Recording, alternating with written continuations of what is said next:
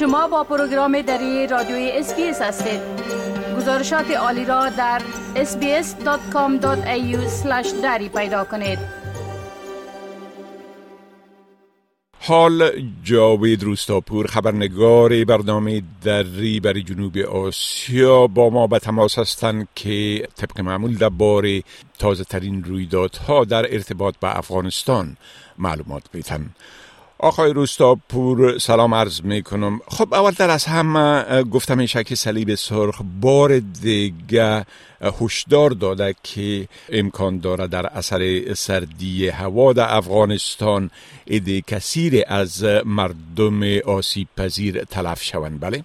با سلام وقت شما بخیر آقای شکیب. بله امان گونه که شما اشاره کردین کمیته بین المللی صلیب سرخ هشدار داده که هوای سرد که در هفته جاری در بسیار از ولایات افغانستان قرار است برفباری و شدت سرما بیشتر شود.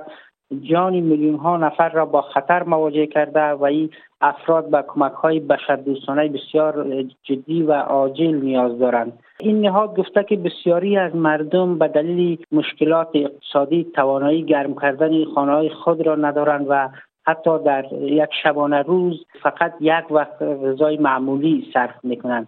در ویدیویی هم که صلیب سرخ در صفحه رسمی خود نشر کرده نشان داده می شود که شماری از شهروندان افغانستان برای گرم کردن خانه هایشان از پلاستیک و کارتن استفاده می کنند بسیاری از باشندگان که کابل هم که بیشترشان روزمستکار سن گفتند که امسال را بیشتر در هوای سرد در خانه هایشان سپری کردند. به دلیل از اینکه زغال سنگ و چوب نسبت به یک سال گذشته قیمتش بیشتر از دو برابر شد و توانایی خرید اون را نداشتند. به همین دلیل هم نتانستند که زمستان را موادی سوخت تهیه کنند.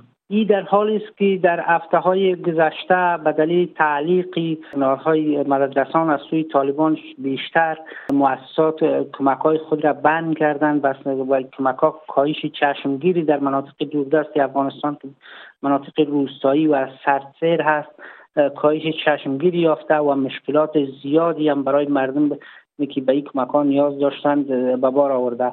در سرمایه دو هفته پیش حدود 200 نفر در افغانستان جان خود را از دست دادند به شمول هزاران مواشی تلف شدند و صلیب سرخ هشدار داده که این بار اگر که کمک عاجل به این افراد نرسد به این خانواده ها کمک صورت نگیرد. احتمال این وجود دارد که صدها کودک در مناطق کوهستانی و دوردست افغانستان در موج سرمایی که در هفته پیش رو قرار است صورت بگیرد جانشان در خطر است بله خب همچنان گزارش شده که توقف انتقال اموال تجارتی از بندر حیرتان باعث نگرانی تاجران شده بله؟ تجاران ملی گفتند که توقف انتقال اموال تجارتی از مسیر رای حیرتان که در شهر مزار شریف در شمال افغانستان موقعیت دارد. زیانی جدی را به تاجرا به بار خواهد آورد. اونا اشتار دادند که اگر روند انتقال کالاها از این مسیر به زودی از سر گرفته نشد نه تنها برای تجار ملی در افغانستان یک ضرر کلان وارد خواهد شد بلکه برای مردم هم که کالاها قیمت چند برابر خواهد شد به دلیل از اینکه بیشتر از 40 درصد اموال تجارتی و مواد خوراکی از این بندر وارد افغانستان نشد. این سبب کاهش این اموال در بازارها و مارکت ها خواهد شد و این برای مردمی که در وضعیت بسیار بد اقتصادی قرار دارند ضرر بسیار کلان خواهد بود. اداره خط آهن طالبا هم گفته که این توقف موقتی است و به زودی از سر گرفته خواهد شد. ای داره گفته که طالبا گفتند که دلیل توقفی از این بندر ای است که خواستای از یا از سوی ازبکستان پذیرفته نشده و چیزی را که در قرارداد امضا کرده بودند ازبکستان به این توقع به این تعهد عمل نکرده اما حکومت ازبکستان هم در اعلامیه گفته که طالبان به وعده خود در توافقنامه امضا شده عمل نکردن و به همین دلیل تصمیم اتخاذ کردن و این بندر واردات از در حال حاضر متوقف است وزارت تجارت طالبا و خط آهن طالبا هم یک اعلامیه صادر کرده پس از اینکه تجارا و مردم از این موضوع ابراز نگرانی کردن گفته که یک هیئت قرار است امروز از اداره خط آهن و وزارت تجارت طالبا به ازبکستان برود و تا در مورد باز شدن بندر با مقامای ازبکستان گفتگو کنند.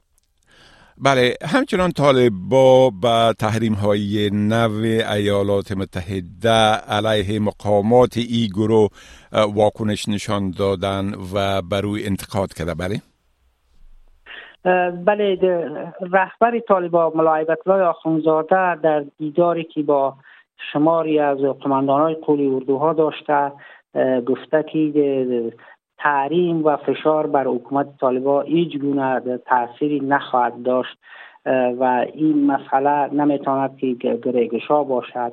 بر بنیاد یک اعلامیه که زبیح الله مجاهد سخنگوی طالبان نشر کرده و نقل قول کرده از الله گفته که آخونزاده تاکیدش ای بوده که ما مطابق شریعت اسلامی و قوانین پذیرفته شده افغانستان در چارچوب اسلام حقوق مردم را حقوق زنان و مردان را تأمین کردیم و اگر خلافی شریعت عمل کرده باشیم مردم در برابر ما ایستاده خواهند شد.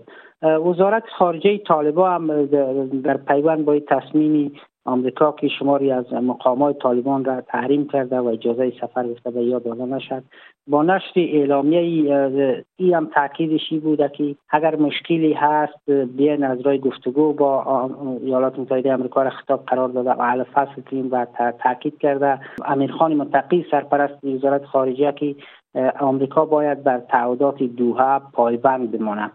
در حالی است که چند روز پیش وزیر خارجه آمریکا در بیانیه گفت تا زمانی که طالبان به حقوق بشر و آزادی های اساسی همه افغانها از جمله زنان و دختران احترام نگذارند نمی‌توانند انتظار احترام و حمایت جامعه جهانی را داشته باشند. بله خب بسیار تشکر آقای روستاپور از این معلوماتتان و فعلا شما را به خدا می سپارم و روز خوش برتان آرزو می کنم وقت شما هم خوش خدا حافظ ناصرتان. بپسندید شریک سازید و نظر دهید. اسپیس دری را در فیسبوک تعقیب کنید.